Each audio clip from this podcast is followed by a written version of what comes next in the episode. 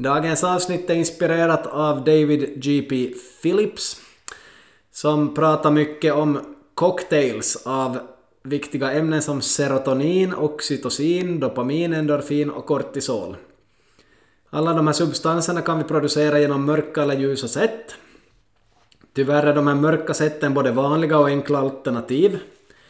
Oxytocin är ett hormon som på ett mörkt sätt skapas genom att snacka skit om andra personer och äh, göra sådana dylika saker som är negativa mot andra.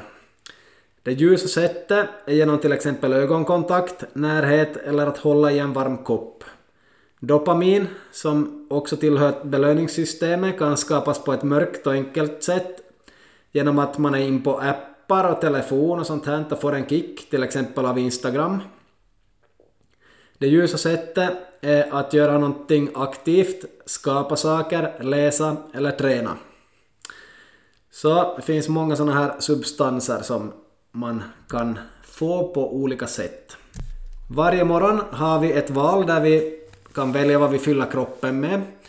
Ett lätt sätt att få en kortisolshot som får oss att känna en kick av att vi lever. Så det är till exempel genom att läsa negativa nyheter på telefon och producera det här stresshormonet. Det sparar energi åt oss att göra det så enkelt och det är ett väldigt vanligt sätt att starta dagen på. Negativa nyheter. Istället kan man med en Angels cocktail som man kallar det, en sån här positiv cocktail, Välj att starta dagen med djupandning, meditation och positiva tankar.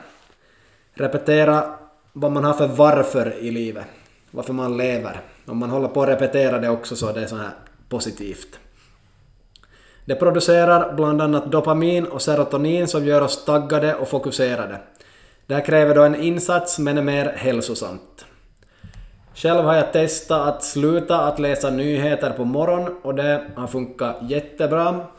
För egentligen både på kvällen och morgonen som man läser nyheter så får man en massa negativt fakta emot sig och, och det skapar sällan någon riktigt bra känsla i slutändan, även om man också får en viss kick av de här negativa nyheterna. Sen diskuterar han också det här med kalldusch, att varför skulle man vilja utsätta sig för sådan tortyr? Nå, en kalldusch frigör många av belöningssubstanserna som vi vill komma åt för att må bra, som till exempel serotonin, dopamin, adrenalin och noradrenalin. Hjärnan hamnar först i ett panik och flykttillstånd, men om man klarar av att stå emot den känslan genom att andas djupt och lugnt, så då flyttas man in i parasympatiska nervsystemet och skapar de positiva signalsubstanserna.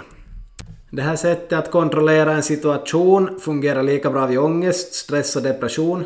Så det är väldigt bra träning det här med att andas djupt för att kunna hantera svåra stunder i livet.